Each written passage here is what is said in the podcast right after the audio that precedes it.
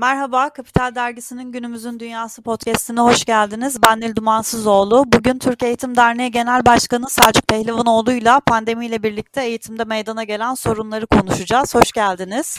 Hoş bulduk, iyi yayınlar diliyorum. Selçuk Bey şimdi yeni açıklanan kontrol normalleşme ile ilk ve ortaokullar yüz yüze eğitime geri döndü. Ama daha önce de yine bir kontrol normalleşme sırasında benzer şey olup birkaç hafta sonra kapanmıştı. Bu gelişmeyi nasıl değerlendiriyorsunuz? 2020-2021 dönemi nasıl başladı? Öğrenciler bir senedir neredeyse uzaktan eğitim görmeye çalışıyorlar. Nasıl zorluklar yaşanıyor? Yani tabii bu hem dünya için hem bizim açımızdan olağanüstü bir süreç. Hani burada en kolay şey eleştirmektir. Ama biz e, Türkiye Eğitim Derneği olarak ve düşünce kuruluşumuz TEDMEM olarak dünyadaki hem ilgili sağlık kuruluşlarını hem eğitimle ilgili kuruluşları haftalık olarak izliyoruz ve raporluyoruz. Bu sürecin nasıl yönetildiği çok önemli. Nasıl yönetildiğinden kastım şu, eğitimden ne anladığınız da çok önemli. Yani eğitimde seçim kurtarmayı, nesil kurtarmanın önünde tuttuğunuz bir yapıda eğitimden anlayışınız farklıdır. Eğitim gelecektir. Gelecek de bir sorumluluktur e, noktasındaki yaklaşımımız farklıdır. Bu noktada baktığınız zaman, dünyaya e, incelediğiniz zaman maalesef UNESCO'nun bir canlı haritası var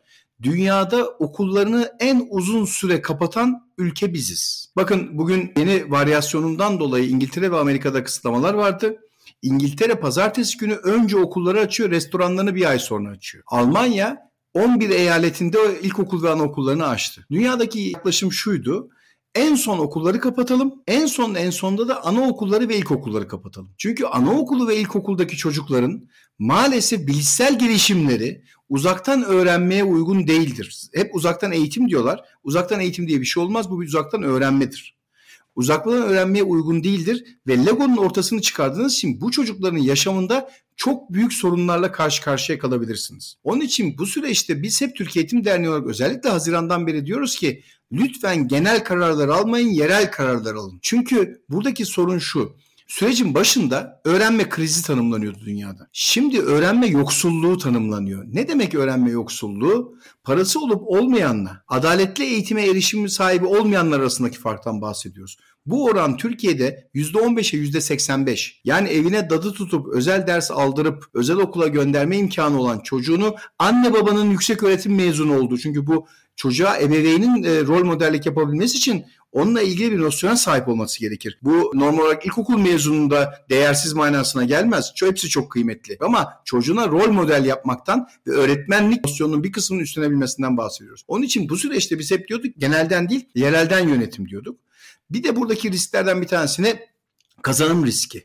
Kazanım riski şu artık çocukların bu kaybı telafi etmeleri mümkün değil. Onun için yeni bir müfredata, yeni bir anlayışa geçmek mecburiyetimiz var. Zaten Türkiye'deki eğitimle ilgili adaletsizliği hepimiz biliyoruz.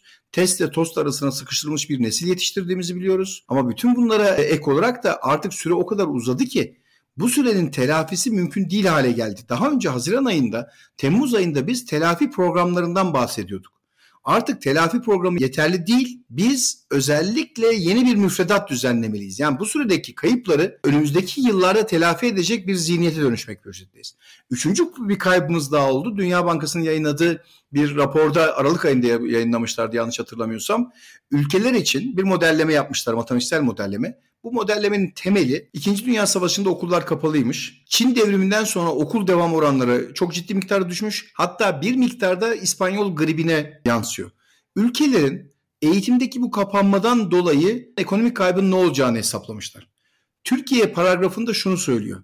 40 milyar dolar yıllık gayri safi milli hasıla düşme olacak diyor. Şimdi bunun bir de ekonomik ayağı var. Bir de bütün bunların yanında biz Türkiye'de vatandaşlarımızın korkuyla eve kapanmasını tercih ettik. Doğruluğunu yanlışını tartışmıyorum. O günün paniği içinde yapılabilir. Yani bilgilendirmeyle yönlendirme değil korkuyla eve kapattık. Herkeste bir e, telaş e, ve korku yarattık. Biz çocuklarımızı pandemiden koruyacağız derken obez yaptık. Biz çocuklarımızı pandemiden koruyacağız derken ekran bağımlılıklarını %150 minimum arttırdık.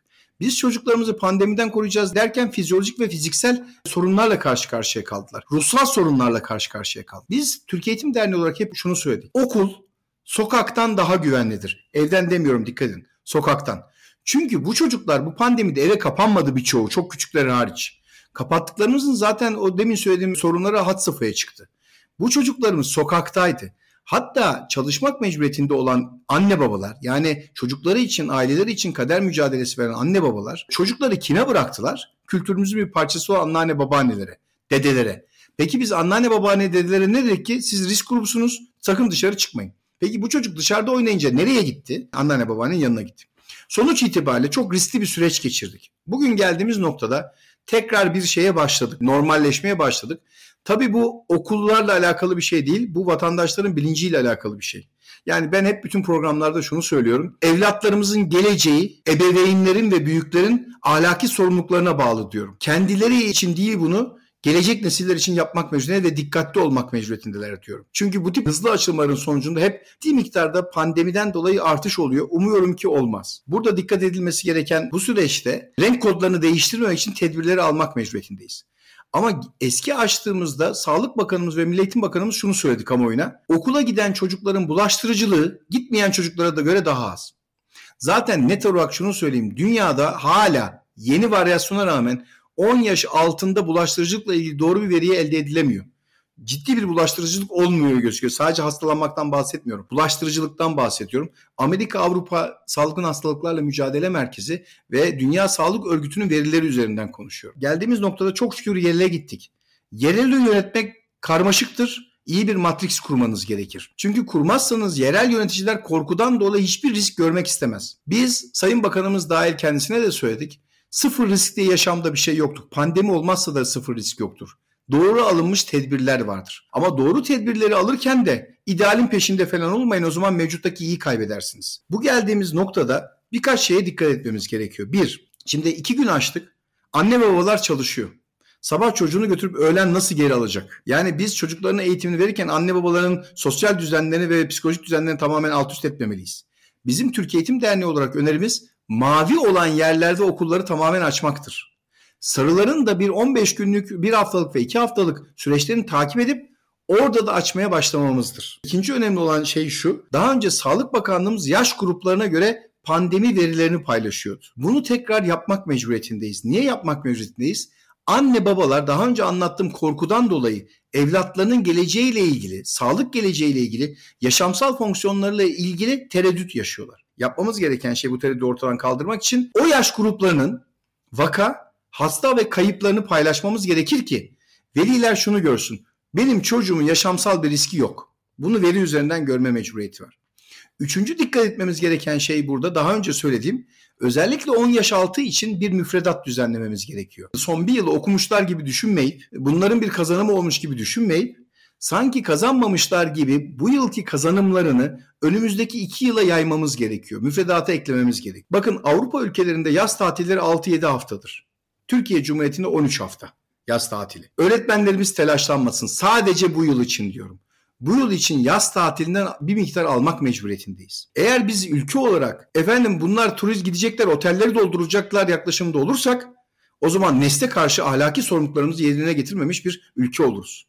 Çünkü bu çocukların kaybı zaten hem ekonomiye ileride yansıyacak hem de neslimizin güçlü olmasına yansıyacak. Bakın bir şey daha yeri gelmişken söyleyeyim. Geçen sene üniversiteye giriş sınavı ve liseye giriş sınavı yapılırken ortalık yıkıldı pandemi patlayacak diye. Patladı mı? Hayır. Çıt yok. Köyler açılırken de aynı şeyleri söyleyenler oldu. Bize gelen bilmiyorum Sağlık Bakanlığı'yla da konuştum. Yok diyorlar. Bize gelen köylerde bir pandemi patlaması yaşamadık çocukların okulların açılmasından dolayı. Onun için bu süreçte eksik olan yerlerde yani yüz yüze eğitimle zincir kazanımların tamamlanması gereken yerlerde yapılması gereken şey şudur. Onu yaz aylarından almalıyız.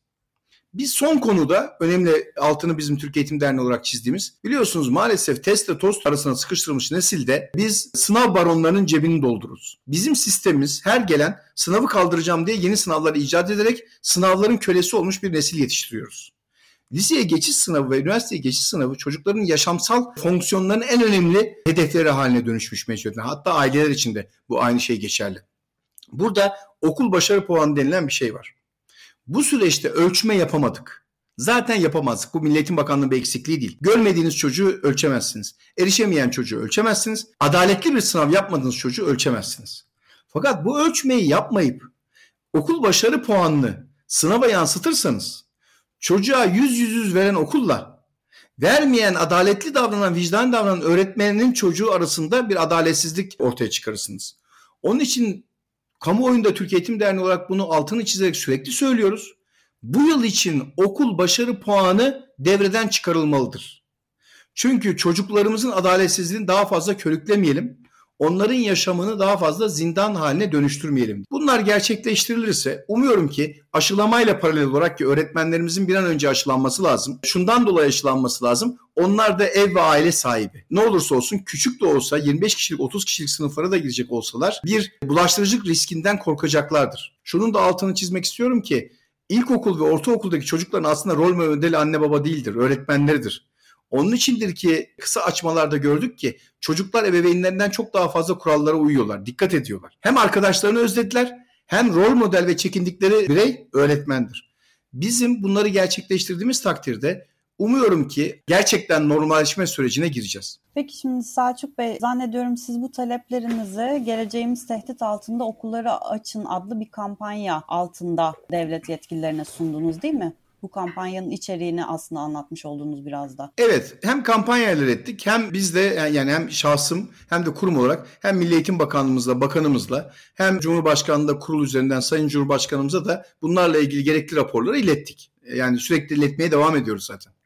Peki şimdi benim kafama bir şey takılıyor. Yani bu bayağıdır tartışılan da bir şey. Geçen sene Mart ayında okullar kapandı. Zaten geçen senenin bahar dönemini artık iptal gibi herkes düşünmüştü o zaman da çok yoğun ve ilk çıktığı zamandı. Oradan Mart ayından Eylül'e kadar çok uzun bir süre geçti.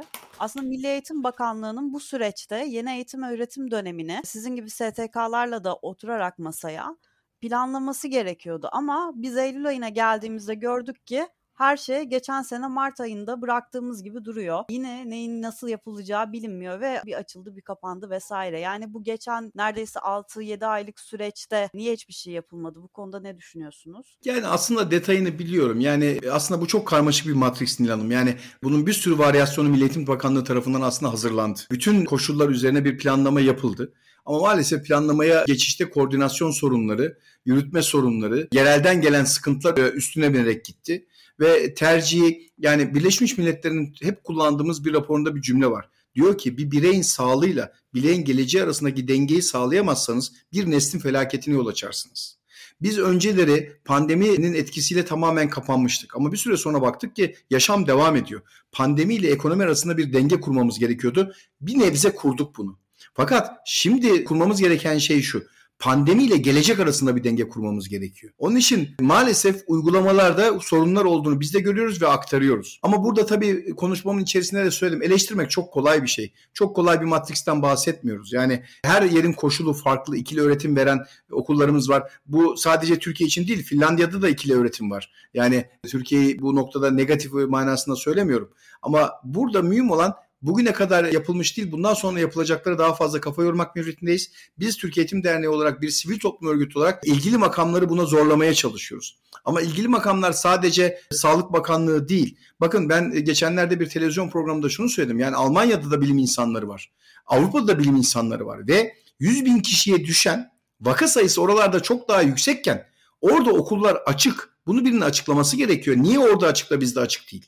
Yani burada bilim kurulu faktörü var, burada Sağlık Bakanlığı faktörü var, Milli Eğitim Bakanlığı var. Çok karmaşık matrislerden bahsediyoruz ama maalesef bu süreci kötü demeyeyim ama iyi yönetebildiğimiz kanaatinde değilim. Şimdi bu süreçte Türkiye'deki eğitim eşitsizliği de çok öne çıktı. Tekrar yüzümüze çarptı aslında. Şimdi evinde işte 3-4 çocuk olan evlerde tek bilgisayar olanlar var internet bağlantısı olmayanlar var. Bir yandan özel okula gidip zaten oradaki o dijitalizasyon daha önceden tamamlandığı için Mesela onlar daha rahat etti. Oradaki adaletsizlik, o uçurum biraz daha arttı. Özellikle devlet okullarına giden çocuklar ve imkanı olmayan çocuklar çok zorluk çekti. Şimdi ne olacak bu çocuklar yani bu geçen bir sene boyunca bu çocukların kaybı nasıl telafi edilecek? Yani şunu söyleyeyim imkansız değil ama çok zor. Bir kere burada ortak bir iradeye ihtiyacımız var. Biz mesela hep şunu söylüyorduk.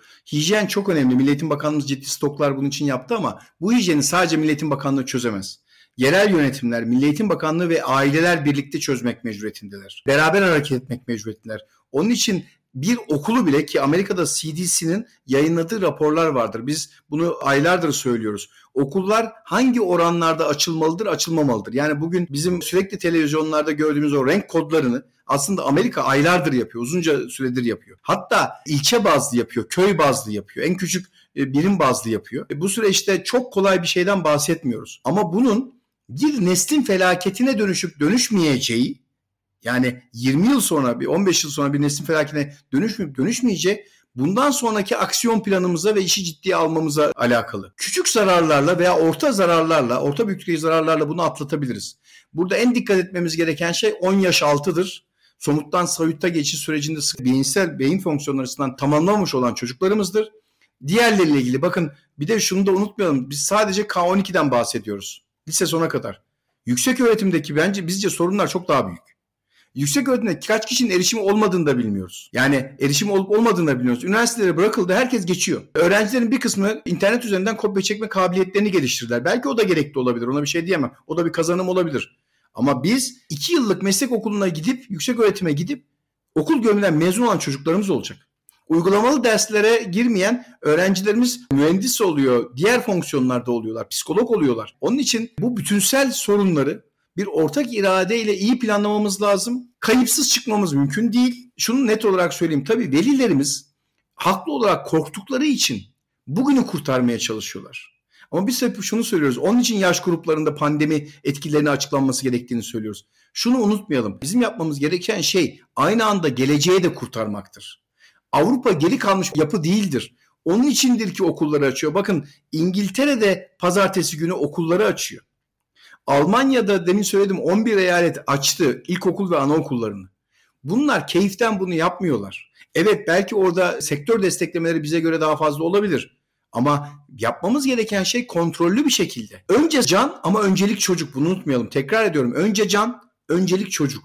Bunu unutmamamız gerekiyor. Tabii ki sağlıklı nesillerle ilgili yani biz Türkiye Eğitim Derneği olarak bir sürü proje de gerçekleştiriyoruz. Mesela işte Türkiye Eğitim Derneği Roş'la Eğitimde Sağlıklı Gelecek Projesi diye pandemiyle ilgili bizim binlerce burslu çocuğumuz var. Nitelikli burs verdiğimiz yoksul çocuğumuz. Onların ailelerine insan hakları ile ilgili, hijyenle, ev bakımı ile ilgili, beslenme ile ilgili destek veriyoruz. Her sivil toplum kuruluşunun da bunu yapması gerekir. Ama şunu sakın unutmayın. Yapmamız gereken şey imkanı olanlar için değil, imkanı olmayanlar için yapmak mecburiyetindeyiz. Çünkü imkanı olmayanlar için bir şeyler yapmazsak bu genç nüfus bizim için bir fırsat değil çok büyük bir tehdit haline dönüşüyor.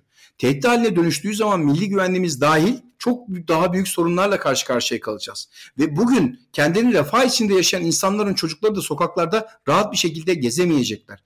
Eğitim bir görüşün, bir düşüncenin, bir ideolojinin veya bir siyasi partinin tatmin alanı değildir. Bir millet görevidir, millet ödevidir. E tabii şimdi çocukların psikolojisi üzerine de ciddi çalışmalar yapmak gerekiyor. Belki rehberlik servislerinin biraz daha ciddi faaliyetler yürütmesi gerekiyor okulda. Tabii ki zaten bizim söylediğimiz şey şudur. Biz okula çocuklar döndüğü zaman hem de öğretmenler döndüğü zaman psikolojik testler yapmak mecburiyetindeyiz. Bunların PD sistemleri üzerinden tekrar yani öğretmenler de okuldan koptular. Ve öyle bir süreç geçirdiler ki biz onların spiker olmasını istedik. Biz onların stand-upçı olmasını istedik. Vücut dilini eleştirdik. Bir ekran karşısında çocuklarına dokunan öğretmenlerin iyi nitelikli eğitim vermesini istedik. Bunlar söz konusu değildi. Ama bugün geldiğimiz nokta internete erişim erişmemek noktası değildir. Biz biliyorsunuz Milliyetin Bakanlığımız ciddi miktarda iPad dağıttı. Bizim önerimiz bunu dağıtacağınıza okulların içerisindeki hijyen koşullarını düzenleyindi. Çünkü Fatih projesinde milyonlarca iPad dağıttık. Nerede onlar? Milyonlarca akıllı tahta astık. Ne oldu onlara? Milyarlarca dolar harcadık. Burada artık geldiğimiz nokta aslında eğitime erişip erişmeme değil. Çünkü eğitime erişmeyle ilgili şunu unutmayalım. iPad verdiğiniz çocuk eğitime erişiyor manasına gelmez.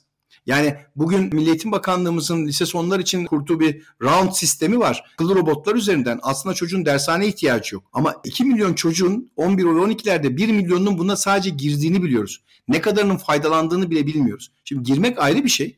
Buradan yetkinlik kazanmak ayrı bir şey. Buna alışık olmayan bir neslin, daha doğrusu eğitimi böyle almaya alışık olmayan bir neslin internet üzerinden eğitim alması kolay değil. Onun içindir ki biz Milli Eğitim Bakanlığı'na şunu önerdik. Canlı sınıfı 8 ve üstüne kullanın genelde. Tabii ki anaokulundaki çocuk, ilkokuldaki çocuğa da kullanın ama o orada istediğiniz hedefteki öğrenmeyi gerçekleştiremez. Eğlenmeyi gerçekleştirir. Onun için de önemlidir psikolojik olarak öğretmenini görmesi ama bu 40 dakika yapacağınız bir şey değil. Ama 8. sınıf ve üstü çocuk buradan kazanım elde edebilir. Elimizdeki imkanları böyle kullanmamız lazım diye öneride bulunmuştuk. Ama tekrar diyorum bugün geldiğimiz nokta artık erişip erişememek değil, bu kayıpların toplumun bütünü için nasıl telafi edilip edilemeyeceğidir. E, şimdi bu eğitimle sağlıklı gelecek kampanyasından biraz daha bahsedebilir misiniz? Burada neler yapıyorsunuz? Bu açıdan sağlıklı bir okulun şu anda eğitim öğretimi açılabilmesi için hangi koşulları sağlaması gerekiyor ve bu koşulların sağlandığını düşünüyor musunuz? Yani tabii Türkiye Eğitim Derneği olarak bizim çok ciddi sayıda projelerimiz var ve biz mesela şu anda 150 ama 1000 köye yeni gitmiş kadın öğretmenlerin akademik, sosyal ve psikolojik gelişim programlarını yapıyoruz. İkincisi çok az para harcayıp başarısız bir okulu nasıl başarılı hale döndüreceğimiz gibi bir başarı her yerde projemiz var. Milli sporcularımıza verdiğimiz İngilizce öğrettiğimiz kursların burslarımız var karşılıksız bir şekilde. Bir sivil toplum örgütü olarak demin söylediğim gibi eğitimde sağlıklı gelecek projesiyle ilgili de bizim burslu çocuklarımızın ailelerine eğitimler veriyoruz. Bu 324 öğrencinin seçilmiş olan 324 öğrencinin şu anda birinci basamağında ailelerine veriyoruz. Bunlara pandemiyle ilgili hijyen ve ev sağlığı eğitimi veriyoruz. İlk yardım eğitimi veriyoruz. Beslenme ve sağlıklı gıda eğitimi veriyoruz. Ağız diş sağlığı bakımı eğitimi veriyoruz. Hastalık tanısı ve nasıl e, bakacaklarını veriyoruz. Covid-19 ve diğer bulaşıcı şeylerden nasıl etkileneceklerini öğretmeye çalışıyoruz. Burada okullar noktasına geldiğiniz zaman birkaç tane şey önemli. Biliyorsunuz bizde ikili öğretim yaptığımız okullarımız da var. Yani bu e, ilkokulda 3000 okul, ortaokulda 1854 okul, lisede ise 65 okul. Burada çocuklar yer değiştireceği için tam açılmada bir hijyen sorunu yaşayabiliriz. Burada hijyene ve okul içindeki disipline ve davranışa çok dikkat etmek gerekiyor. Ama Sağlık Bakanlığı'nın güzel yaptığı bir uygulamayla yani bu HES kodu uygulamasıyla zaten bir kısıtlaması olan çocuk veya öğretmen okula zaten giremiyor. Otomatik olarak okula düşüyor. Bu ciddi bir avantaj. Yani bir çevresinde pandemi geçiren varsa zaten o kişilerin okula erişmesi, çocuklarla bir araya gelmesi mümkün değil. Burada şöyle bir bahaneye gitmemiz lazım. Çocuklar bir araya gelecek. Kaç çocuk? 10, 20, 30. Bir metroda kaç kişi bir araya geliyor? Biz hep bunu söyledik. Onun için okuldaki disiplin sistemi içerisinde teneffüsleri kaydırarak çocukların daha az temaslı olmasını rahatlıkla sağlayabiliriz. Bunlar sağlandığı takdirde bu zorlu süreci minimum zararla eğitim açısından ortadan kaldırabiliriz diyorum ve teşekkür ediyorum. Çok teşekkür ederim Selçuk Bey katıldığınız için. Sağ olun, iyi günler diliyorum.